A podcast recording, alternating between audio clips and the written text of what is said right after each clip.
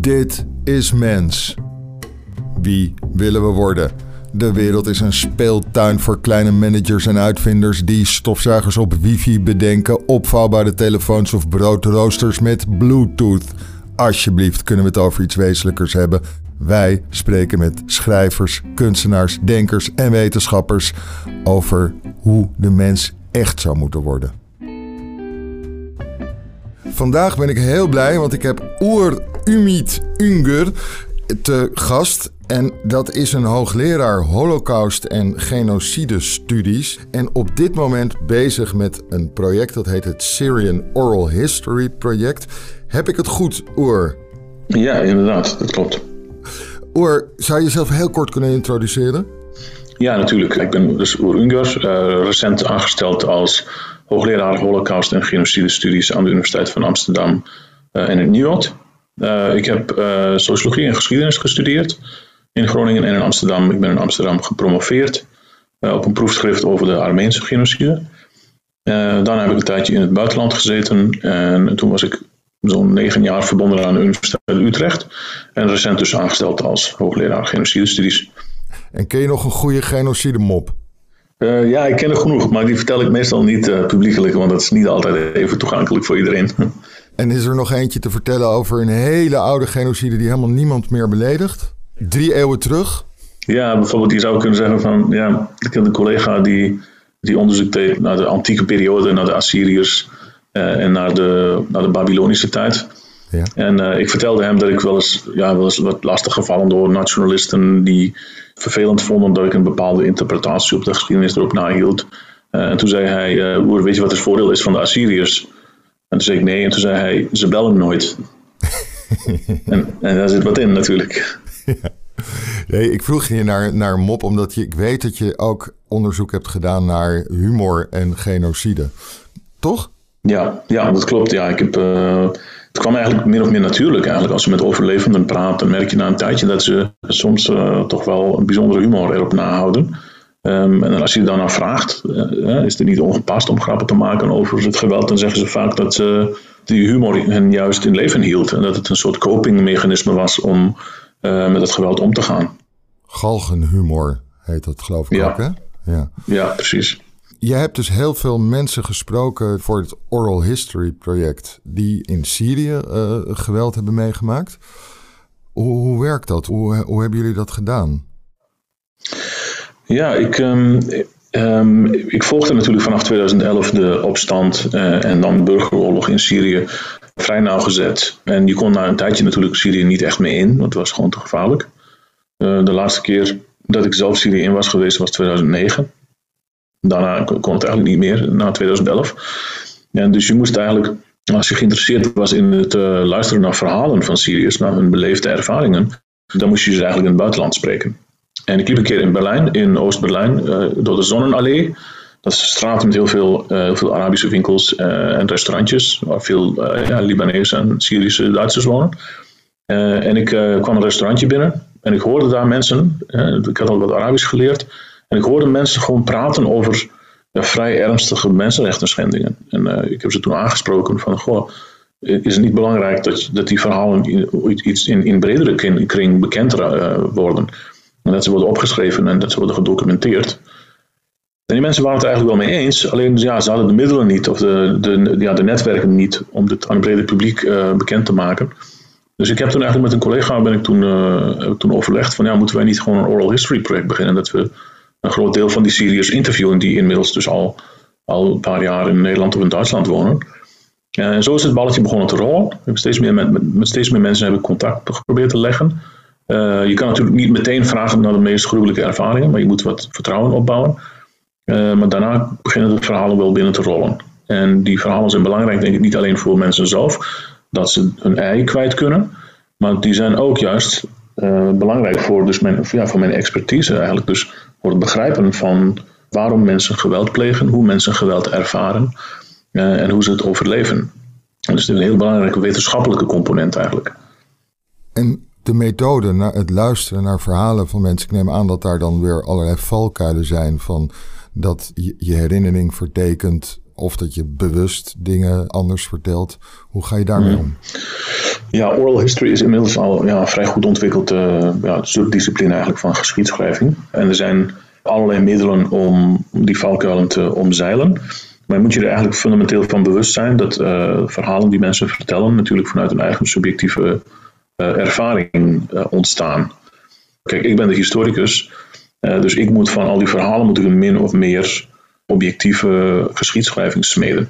Want die mensen, die verhalen die zij vertellen, er zijn natuurlijk uh, stiltes, er zijn dingen die ze weglaten, er zijn dingen die ze soms vertekenen, soms bewust vertekenen, soms ook gewoon door trauma verkeerd herinneren. Dat komt ook heel vaak voor, dat ze de dingen verkeerd plaatsen. En dan moet je gewoon, ja, je kan doorvragen. Je kan mensen die aanwezig waren in dezelfde periode, in dezelfde regio, uh, kan je naast elkaar interviewen. dus dat je twee interviews doet met mensen uh, tegelijkertijd, of dat je ze later interviewt en dat je kijkt wat de overlap is. Uh, en we hebben het voordeel van technologie, in dat ja, het Syrische conflict is het best gedocumenteerde, digitaal gedocumenteerde conflict ooit. Ja. Er zijn miljoenen video's op YouTube en op andere kanalen, Facebook, et cetera, waar dus geweld of demonstraties of soms ook gewoon dagelijks leven voorbij komt. sterker nog, de, als je al die video's optelt, de, de lengte van die video's is drie keer langer dan de daadwerkelijke duur van het conflict.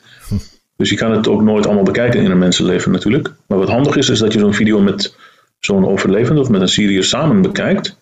En dat je zegt van, goh, dit is een video uit 2012, wat gebeurt hier eigenlijk? En ben je hierin zichtbaar? En dan kom je dus, ben je dus samen ben je eigenlijk bezig om die herinneringen naar boven te halen. Ja. En dat wil ook wel eens helpen. Is die digitale, al die, al die data die er, die er is, is er niet ook een aparte plek in Frankrijk voor waar dat allemaal wordt verzameld? Ja, er is in, uh, in Berlijn is er een, uh, een Syrische NGO, een groep Syrische jongens, die, dat waren eigenlijk techneuten die informatica studeerden aan de Universiteit van Damascus. En die hun opleiding niet konden afmaken, zijn toen gevlucht. En hebben toen een initiatief begonnen, dat heet het Syrian Archive. Ze hebben ook een website waarin ze dus hebben geprobeerd vanaf het begin om zoveel mogelijk van die video's meteen te downloaden. Ja, dus niet één voor één, uh, klik, save as, maar door middel van computerprogramma's dat je ze probeert een heel kanaal bijvoorbeeld te downloaden. Of harde schijven van videoactivisten proberen te kopiëren, et cetera. Nou, de jongens hebben heel veel materiaal verzameld. dat is buitengewoon interessant en belangrijk. Maar de vraag is natuurlijk, hoe kan je dit in hemelsnaam onderzoeken? Ja. Want je hebt gewoon niet, een, niet aan een mensenleven gewoon niet genoeg om het allemaal te bekijken. Uh, en soms heb je wel, je hebt wel menselijke ogen nodig om veel van die video's te bekijken, omdat je moet luisteren naar het dialect dat mensen spreken. Je moet goed kijken, nou ja, waar gebeurt dit eigenlijk? En wat gebeurt hier eigenlijk? Uh, dus dat, dat kost allemaal extra, extra energie en tijd. Dus vooralsnog heb jij aan de, de data die er zijn nog niet iets doordat er via artificiële intelligentie algoritmes speuren naar gezichten of zo. Maar vooral in de vorm van dat je met mensen ernaast nog eens naar, naar, naar materiaal kijkt en dan de, de menselijke kant ook, het hen verhaal hoort. Inderdaad, ik, ben, ja, ik kijk dus vooral, ik schrijf vooral ja, maatschappelijk historische eh, boeken en onderzoek. En wat voor mij belangrijk is, uh, is niet alleen of niet per se uh, van ja, welke militaire insignia hebben deze mensen in deze video? Bij welke gewapende groep zijn zij aangesloten? waar gebeurt dit precies? Dat is meer iets voor Bellingcat. Alleen geïnteresseerd zijn in de factuele kant. Natuurlijk ook hè, met het oog op, op rechtsvervolging. maar ik ben zelf vooral geïnteresseerd in het menselijke verhaal erachter. Hè? Dus wat zie je in deze demonstratie? Welke mensen waren daar aanwezig? Wat is er daarna gebeurd? Hoe voelden jullie je toen? Ik kijk ook naar collectieve eh, emoties. En dat kan dus alleen maar als je echt eh, met de mensen zelf praat. Hele domme vraag klinkt het, maar we zijn net al een beetje iets over. Maar waarom is dat belangrijk? Waarom doe je dat? Dat jouw open domme vraag, sorry. Maar... Nee, nee, dat is een heel belangrijke vraag. Um, ik denk dat Kijk, in dit geval, ik, ik kijk naar het conflict in Syrië, maar ik heb net goed naar een ander conflict of naar een andere burgeroorlog kunnen kijken. Dit, soort onderzoek, denk ik, uh, heeft denk ik een, een maatschappelijke functie. Het is belangrijk, denk ik, zowel voor Syriërs, maar ook voor niet-Syriërs in, in Europa en voor Nederland, om te begrijpen waarom dit conflict zo gewelddadig is geworden. Uh, want we hebben een beetje een illusie natuurlijk dat we leven in een soort van permanente vrede. En dat die vrede die nemen we heel vaak voor lief. En we denken zelden na over hoe, hoe een samenleving kan afglijden eigenlijk in een polarisatie en in een uh, beginnende burgeroorlog. Dus er is een soort van maatschappelijk belang dat we dat uh, een realistischer beeld krijgen daarvan. Daarnaast is er, is, is er natuurlijk ook een juridisch belang. Er, zijn, er lopen allerlei misdadigers rond, oorlogsmisdadigers uit Syrië en Irak en andere landen die lopen rond en die moeten, ja, die moeten worden berecht.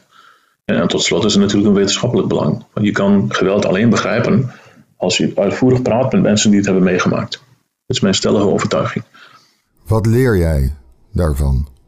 Um, Wat heb jij geleerd over, over uh, hoe makkelijk een mens over kan gaan tot geweld en hoe dichtbij dat kan komen? Ja, een aantal dingen. Eén, uh, bijvoorbeeld uh, mensen doden uit liefde. Uh, ze doden niet per se uit haat. Leg uit. Ik heb een aantal verhalen gehoord van mensen die in zo'n burgeroorlog als in Syrië, hè, die vooral dus de scheidslijnen zijn eigenlijk pro-Assad, anti-Assad, mensen die voor die oorlog helemaal niet politiek waren, helemaal niet politiek bewust waren, helemaal niet bezig waren met rechtvaardigheid of mensenrechten of wat dan ook.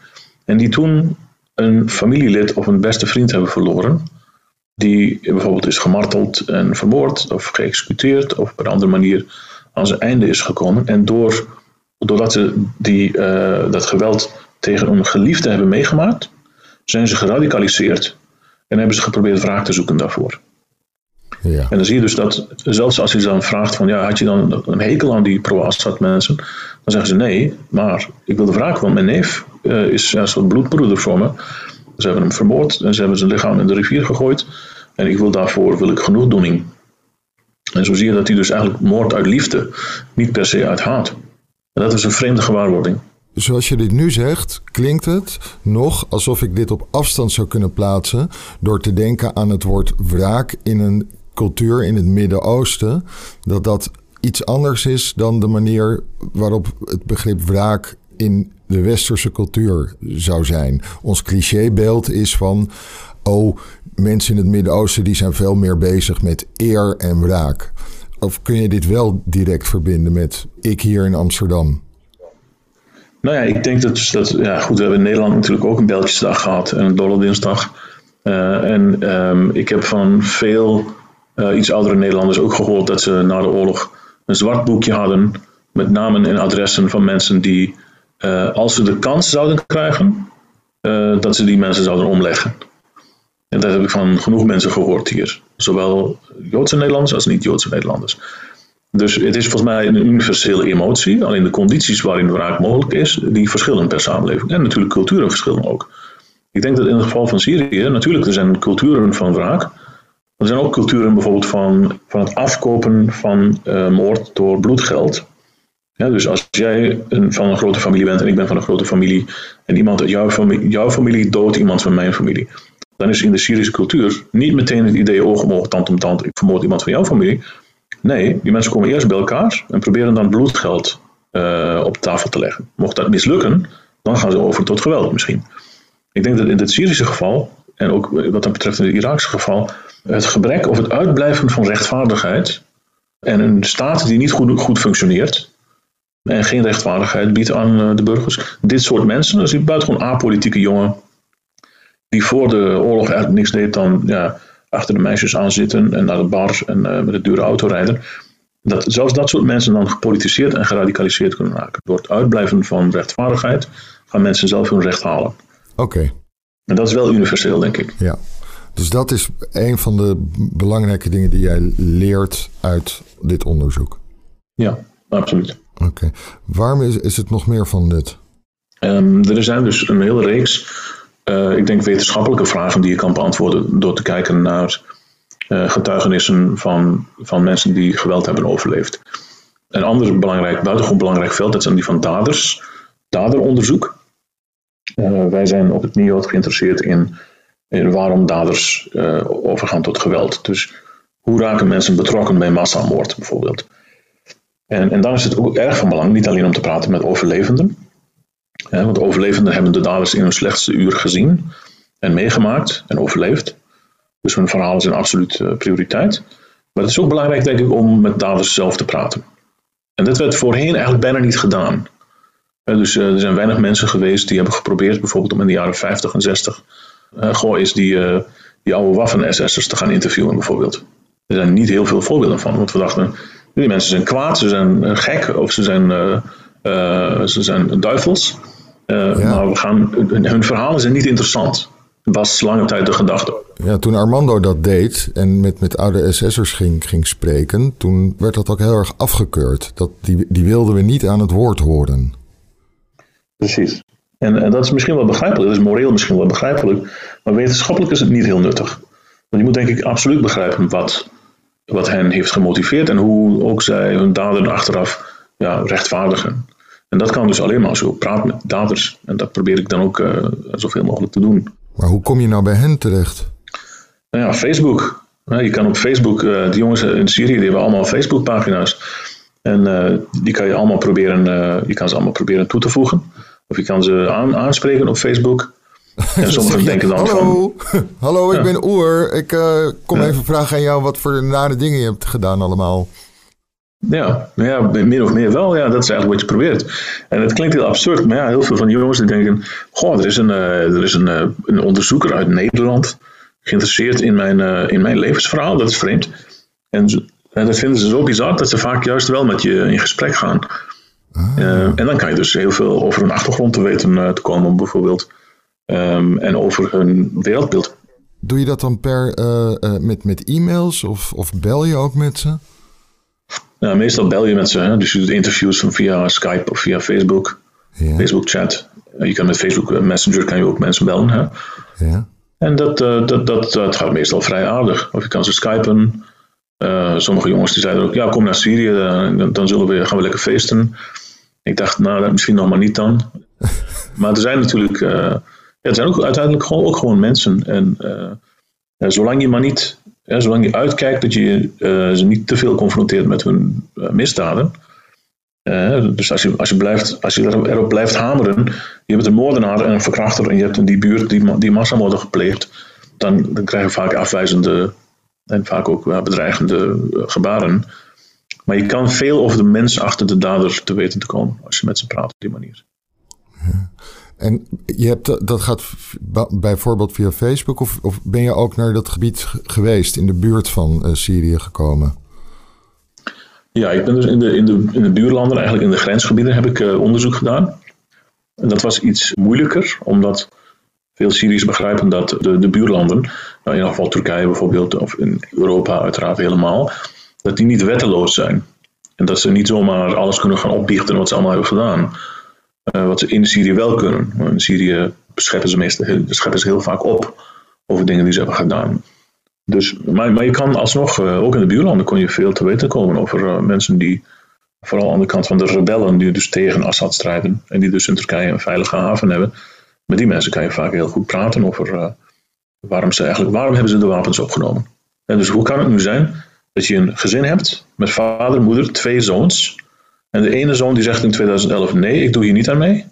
En die vlucht naar het buitenland. En die andere zoon zegt: ik pak een Kalashnikov en ik ga strijden tot ik erbij neerval. Wat begrijp je daarover? Over die keuze, wat, begrijp, wat heb je daarover begrepen?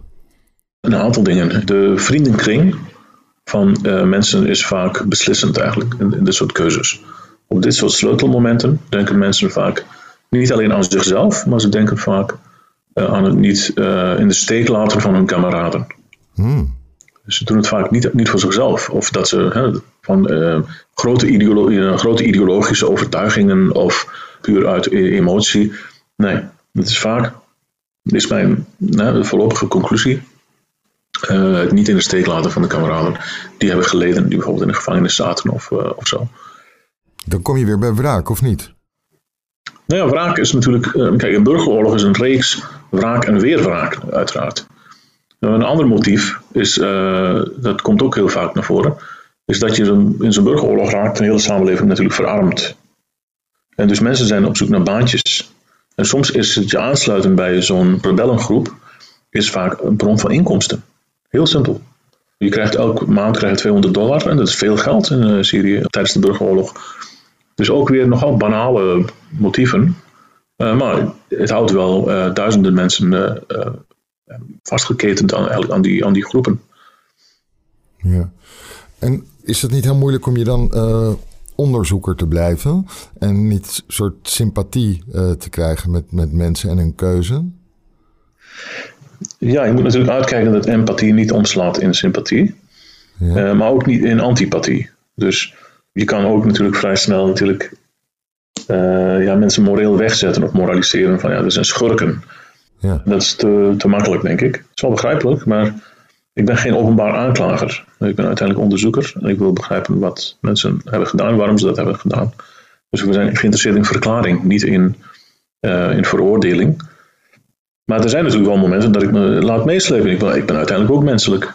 Er zijn momenten waarin je denkt van, goh, ik begrijp je beslissing wel eigenlijk waarom je die jongen de keel hebt doorgesneden. En dan schrik je meteen van jezelf, van, dat je dat vindt. Maar je denkt natuurlijk door het hele onderzoek, denk je altijd na, zou ik dit ook kunnen doen? Ja? Daar denk je vaak over na, ja, absoluut.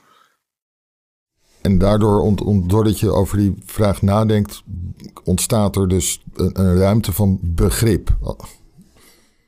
Ja, uh, deels begrip en deels ook het nadenken over de menselijke natuur. Kijk, ik zeg altijd, de, de Syriërs zijn juist in hun, in hun onmenselijkheid, in wat we allemaal zien op internet, en de bombardementen en de onthoofdingen, et cetera. Juist in hun onmenselijkheid zijn ze heel menselijk. Licht toe? Hun motieven, hun levenservaringen zijn volkomen begrijpelijk.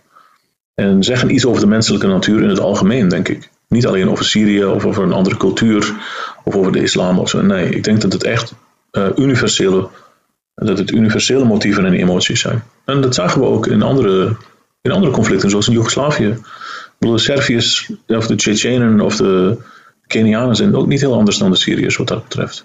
Dus hoe, meer je kijkt naar de totaal verschillende culturen, eh, totaal verschillende samenlevingen, dus dan zie je toch op menselijk niveau dat die motieven en dat die belevingen vaak heel erg parallel uh, zijn als ik echt heel erg simpel dus een beetje samenvat van wat je zegt, dan kom je bij zo'n dichtbij bij dat iemand tegen mij zegt van ja, jij zou ook zo iemand zijn nek afsnijden. En ik zeg nee, want ik heb nu uh, al die tijd heb ik ben ook opgevoed met het recht en geleerd dat, je, dat er, dat er een, een, rechtssysteem is. En dan zegt iemand van ja, maar het rechtssysteem wordt omvergekegeld en jouw uh, kind wordt voor je ogen op een gruwelijke manier door iemand gepakt. Dan zeg ik van ja, dan kan ik in een emotioneel moment iets doen. Maar ik zal nog steeds geloven dat voor andere mensen, voor iedereen, behalve ik zelf, die, die dan een fout maakt op dat moment, dat we wel dat rechtssysteem moeten hebben. En wel moeten zorgen dat het in stand is en dat, dat we niet de gruweldaad begaan zoals ik zou doen op dat moment. En jij zal dan waarschijnlijk antwoorden: Nou, en die Syriër die een nare daad doet, die zou hetzelfde denken. En die doet ook omdat er geen duidelijk rechtssysteem is, doet hij dit. Ja, absoluut. Ja, ik moet wel een beetje glimlachen ja, als je dat zegt. Want veel Syriërs dachten dat eigenlijk ook.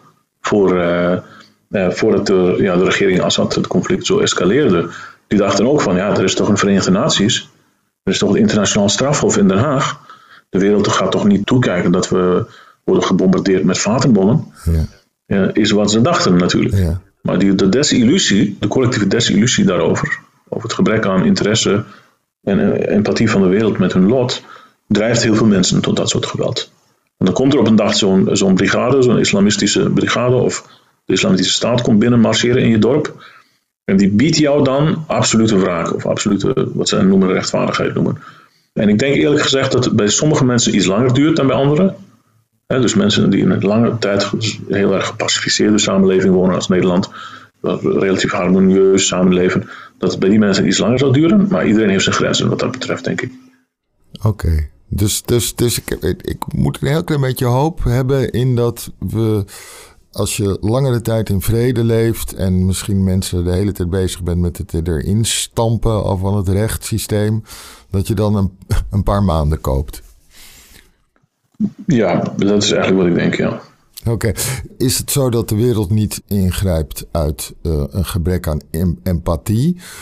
Ik zou met mijn cynische hoofd denken: de wereld grijpt niet in. Uh, één, vanwege alle eigen politieke en handelsbelangen van de, de grootmachten. En twee, eh, in West-Europa is heel erg geleerd en heel erg gedesillusioneerd gereageerd op wat er gebeurde in Joegoslavië het hele idee van ingrijpen het met goede bedoelingen. dat, dat werkt niet. Dat lukt niet. Ja, dat is absoluut begrijpelijk. Er is geen makkelijke oplossing voor humanitaire interventie. Dat is duidelijk. Een politiek van goede bedoelingen op Syrië, die, die leek niet te vinden. Nee, het was, ehm, ik heb aan het begin van het conflict wel eens gezegd uh, dat het heel onpopulair is, wat ik nu ga zeggen. Namelijk om, uh, als je echt een signaal wil afgeven, dat je, dat je dan een aantal precisiebombardementen zou moeten uitvoeren op een aantal militaire installaties van Assad. Om hem duidelijk signaal te geven dat hij niet verder moet gaan. Dus op het moment dat je dat zegt, dan word je natuurlijk weggezet als neo-con en je wilt regime change en het is een tweede Irak-scenario, et cetera. Maar door de, dit soort afkeurende gebaren kunnen dooretteren in Syrië. En ik denk ook eerlijk gezegd dat de daders, en dat geldt ook voor Joegoslavië trouwens, ik bedoel, we hebben nu de herdenking van Srebrenica, dat als je mensen als Assad of Mladic, als je die tegemoet wil treden, dat je met tenminste zoveel geweld moet optreden, want anders word je onder de voet gelopen, zoals we hebben gezien. En dus dat zagen we ook in de, de, de optreden van de Verenigde Naties in Syrië, was ook zwak daardoor. Dus dan zou uh, de, de, rode lijn van uh, Obama, die had hij dus wel moeten handhaven. Ik denk dat als hij die had gehandhaafd, dat het dan tenminste dat het minder moed uh, aan de daders van Assad had gegeven. Ja. Nu okay. hebben ze natuurlijk gedacht, ja, rode lijn kan ons niks schelen. Er wordt niets aan gedaan. Oké, volgende. Libië. Mede dankzij Frankrijk. Precisiebombardementen. Hard uh, optreden tegen Gaddafi. Gaddafi weg. Het is nu nog een puinhoop.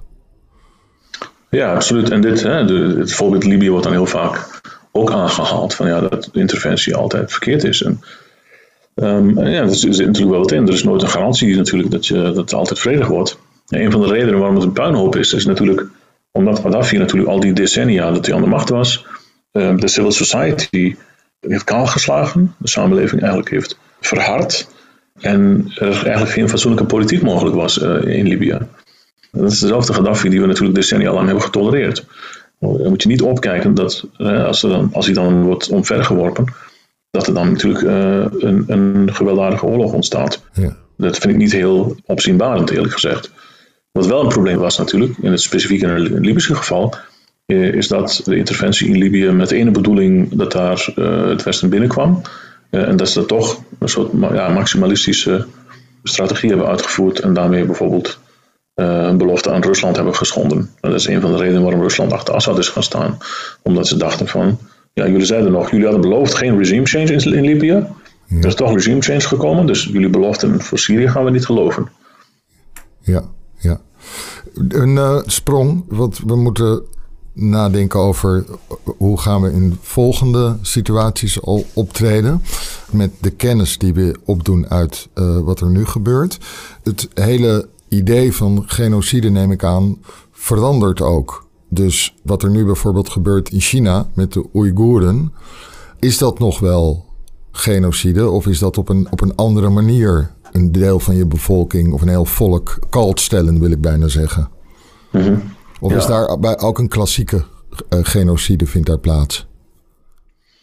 Nou ja, het is, er is één element aan dat wel heel erg genocidaal is en een ander element dat het, dat het minder is. Wat, wat er genocidaal is aan de Chinese behandeling van de Oeigoeren, uh, is dat de Oeigoeren om geen enkele andere reden dan dat ze Oeigoer zijn, zijn opgepakt en in de concentratiekampen zijn gestopt.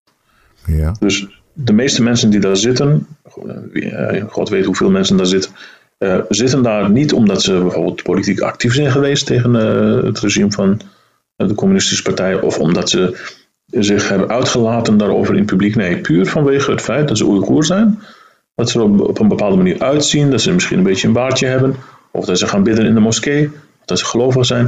Dat is eigenlijk de enige reden waarom mensen zijn opgepakt en in die kampen zijn gestopt.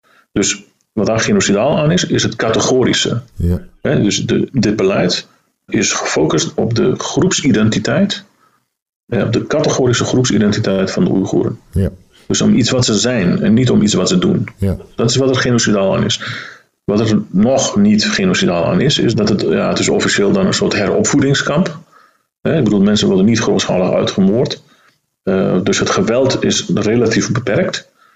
Maar ja, grootschalige mensen in de gevangenis stoppen en onder psychologische druk zetten is natuurlijk ook een vorm van geweld.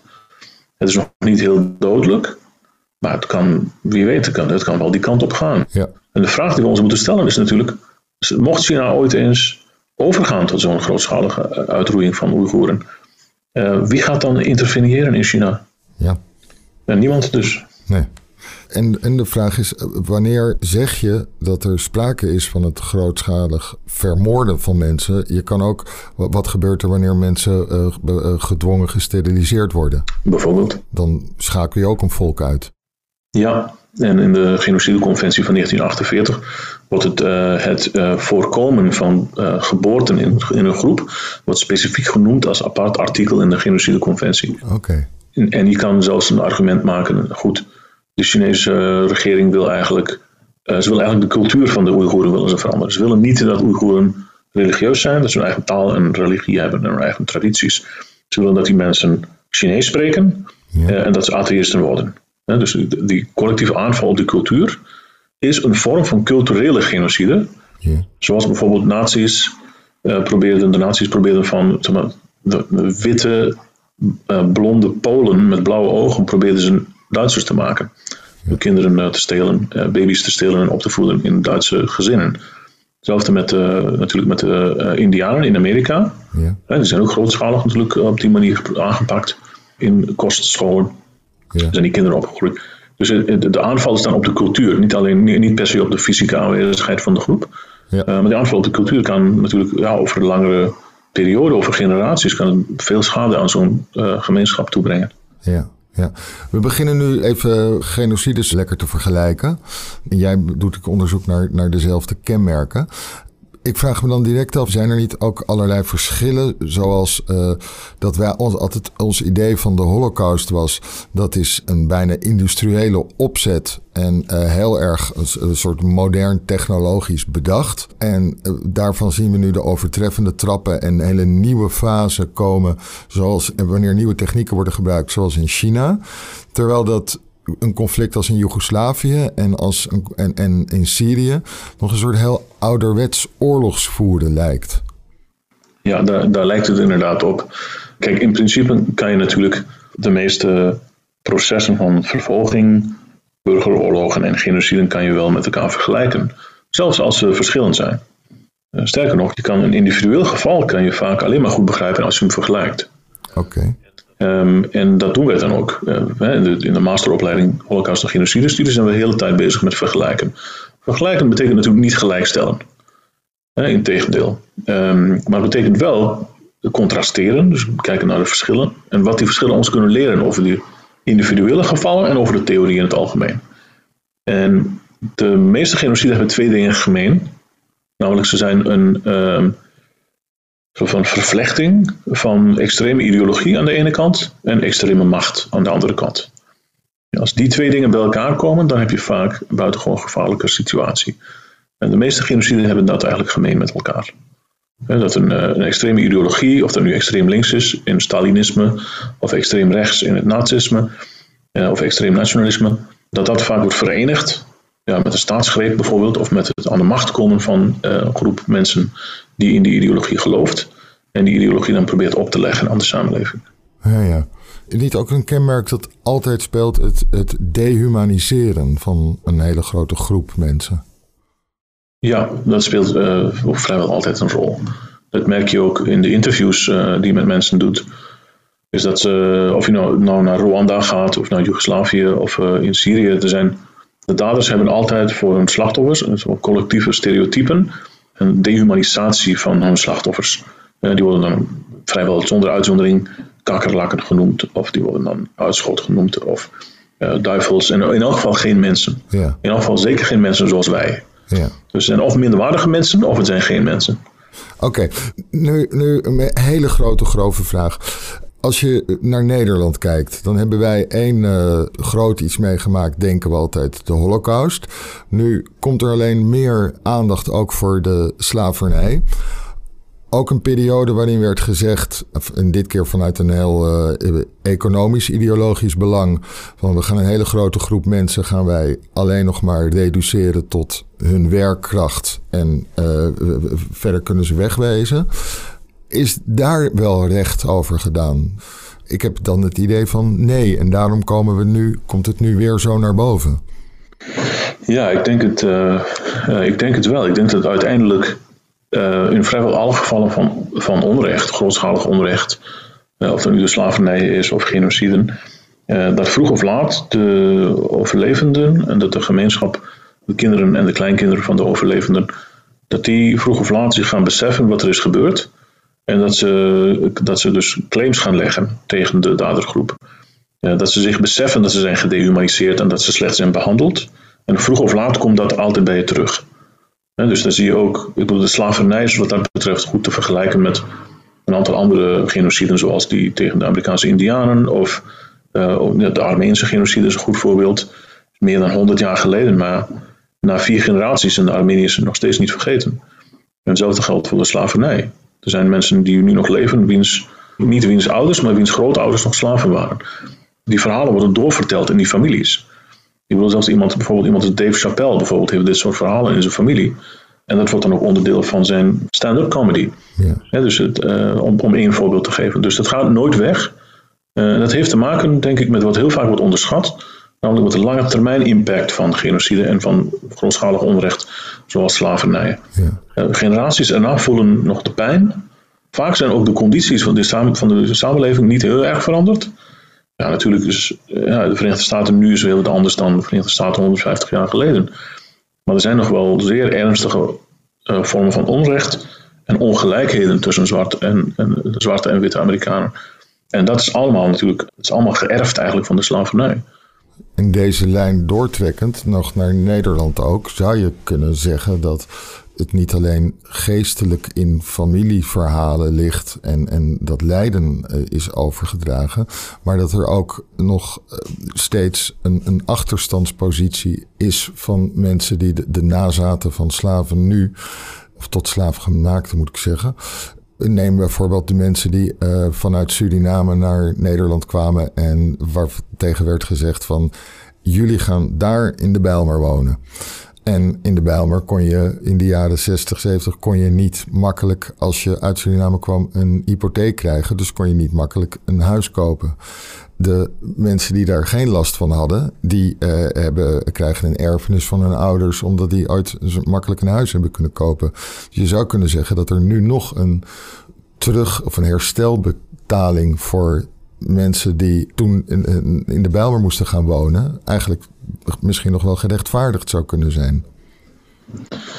Zeker, daar is zeker iets voor te zeggen. Ehm, in gevallen uh, in uh, die verschillen bijvoorbeeld van Duitsland, waarin dus het, regime is omvergeworpen en een, echt een nieuwe, een nieuwe regering en een nieuwe samenleving is opgericht. Ja. De meeste gevallen van, van grootschalig onrecht en, uh, en genocide, inclusief slavernij, zijn natuurlijk niet op die manier geëindigd. Er zijn natuurlijk wel wendingen en dus keerpunten geweest in de geschiedenissen van die landen.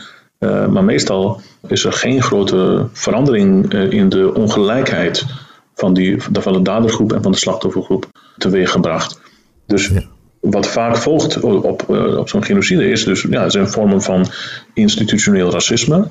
Ik bedoel, dat zie je bijvoorbeeld in Turkije tegen Armeniërs, dat zie je in China tegen Oeigoeren, dat zie je in een aantal verschillende landen. Ehm, en dat zou je bijvoorbeeld ook kunnen zeggen in Nederland. Niet alleen dat bijvoorbeeld de nazaten van tot slaafgemaakten hier uh, nog steeds te maken hebben met, institutioneel racisme, maar ook uh, wat is eigenlijk het besef uh, onder de witte Nederlandse bevolking over slavernij?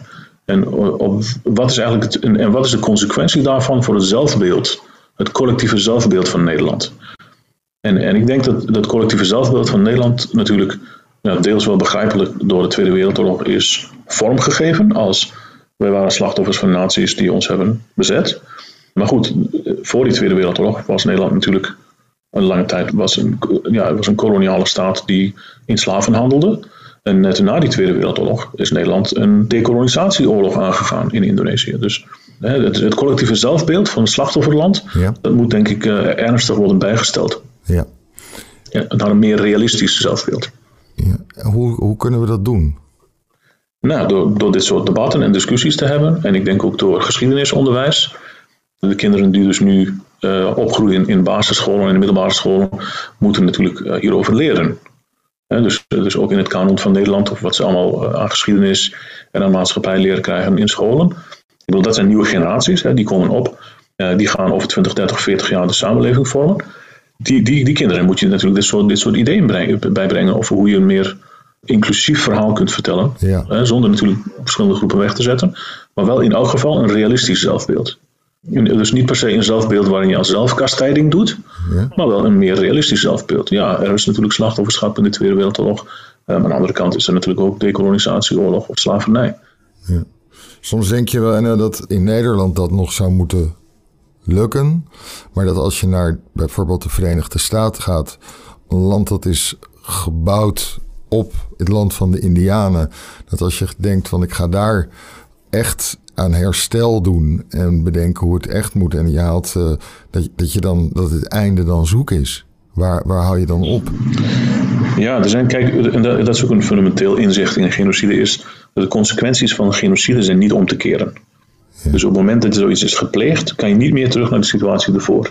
Ja. dus het Joodse leven in Oost-Europa gaat nooit meer zijn wat het voor 1940 is gepleegd. Ja. Dat is bitter, maar dat is, wel de, dat is wel de realiteit. En hier geldt het ook een beetje zo. Uh, dus een staat als Californië bijvoorbeeld, die voor een groot deel natuurlijk uh, bestond uit, uh, uit Indianen.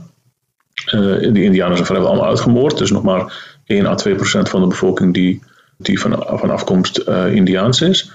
Ja, we kunnen een stad als Los Angeles kunnen we opblazen en dan het land teruggeven aan Indianen. Maar ik denk, is, uh, is dat een vorm van productieve en ook inclusieve rechtvaardigheid waar je als samenleving mee verder kan. Ja. Uh, maar die moeten uiteindelijk samen verder. Ja. En, en dat, is, dat is moeilijk. Ja. Het is moeilijk om ja, de, de tandpasta terug in de tube te krijgen, zoals het heet. Ja. Tot slot wil ik je nog even vragen over de, hoe je vindt dat de discussies nu in Nederland zijn over het slavernijverleden, maar ook over hoe mensen tegen elkaar tekeer gaan op Twitter, Facebook en alles. En daar dan te pas en te onpas uh, holocaust-vergelijkingen bij maken. Dat heet toch een, een Goldwin of een Godwin, waar dat, dat de wet is dat er altijd binnen een aantal regels iemand over uh, Hitler begint. Weet je wat dat is? Inderdaad, ja. Dus de Godwin-regel is dat iemand op, uh, vooral op internet, inderdaad naar een aantal uh, salvo's heen en weer, uh, argumenten over, over Hitler en de nazi's begint. Inderdaad, en dat, je moet daarmee uitkijken. Kijk, er zijn eigenlijk twee extremen in dat debat. Aan de ene kant het idee dat, je, hè, dat sommige mensen alles te pas en te onpas met de nazi's vergelijken en met Hitler. En dat is denk ik verkeerd, want daarmee ja, creëer je een soort inflatie eigenlijk van de ernst van de periode van de nazi's en de holocaust. Ja. Het andere extreem is dat je uh, nooit iets mag vergelijken met de holocaust en met de nazi's. Ja. En met Hitler. En ik denk dat dat ook een probleem is. Ik, want dat, daarmee plaats je eigenlijk die, uh, dat nazisme plaats je eigenlijk buiten de geschiedenis. Terwijl er natuurlijk, ja, dat zijn natuurlijk, uh, het is onderdeel van de Europese geschiedenis. er is ook een nasleep van het nazisme. Er lopen nu nog genoeg mensen rond in Europa die dat een prima periode vinden. Uh, en die, um, ja, die ja, dus eigenlijk neonazi's zijn. Uh, die, die groep die groeit ook steeds, steeds meer. Antisemitisme is ook nog steeds uh, natuurlijk niet weg. Gaat ook nooit weg, vrees ik. Um, dus die, die twee extremen, daar moet je heel erg voor uitkijken, denk ik. En mensen gaan enorm tegen elkaar tekeer. Op Twitter en op sociale media, dat, dat, zie ik inderdaad wel. het zou goed zijn om natuurlijk om scherpe debatten te voeren, zonder per se de emotie die daarbij komt te kijken. Dus ik vind het prima dat mensen elkaar, uh, dat ze elkaar heel scherp bekritiseren. Ja. Maar je moet het volgens mij niet op de persoon spelen. En je moet volgens mij ook, ook openstaan natuurlijk voor, voor andere ideeën. En daar gaat het de afgelopen tijd niet, zo, niet zo goed mee, kennelijk. Krijg jij zelf, heb jij zelf ook niet heel erg last van allerlei mensen die achter jou aangaan op het moment dat je het hebt over de Armeense genocide of over wat er in Syrië gebeurt? Ja, zeker. Uh, je hebt, uh, als je geïnteresseerd bent in bestuderen van onrecht of van genocide, dan, dan moet je ervoor klaarstaan eigenlijk dat je door allerlei lobbygroepen of uh, ja, soms ook nationalistische mafkezen, in, individuen, dat je door die mensen wordt aangevallen. Ik bedoel, dat is eigenlijk normaal. En ik ben ook door allerlei soorten mensen ben ik wel eens, ben ik wel eens aangevallen omdat ze het niet fijn vinden om te horen wat ik te zeggen heb. En wat ik dan doe is, ik probeer mensen niet dan, dan niet meteen weg te zetten, maar dan serieus te nemen op hun argumenten. En tenminste wel voor, zover het kan, wel in debat te gaan om hun argumenten te weerleggen. Want dat vind ik dan wel belangrijk. Je, kan volgens mij niet, je, je, kan niet opgeven aan mensen. Je kan mensen niet opgeven. Je moet volgens mij altijd pedagogisch opstellen en proberen daar licht in te draaien. Oké. Jij bent niet beperkt in je uitingen erover? Of zit je expres niet op Twitter of zoiets? Nee, ik zit wel op Twitter, maar ik uh, vind ook dat je, you have to pick your fights.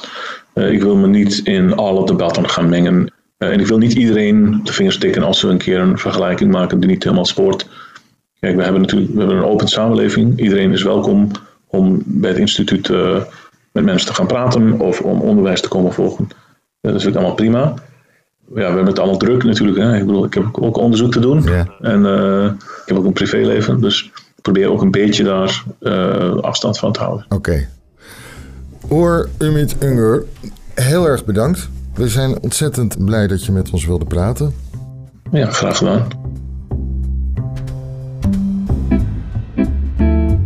Dit was Mens. Dank u wel voor het luisteren. We hopen dat u zich abonneert op deze podcast in uw favoriete podcast-app en misschien zelfs ook wel sterren aan ons geeft. Wij blijven in ieder geval fijn verschijnen dan. U kunt ook een abonnement nemen, een online abonnement op Vrij Nederland via de website vn.nl/slash podcast.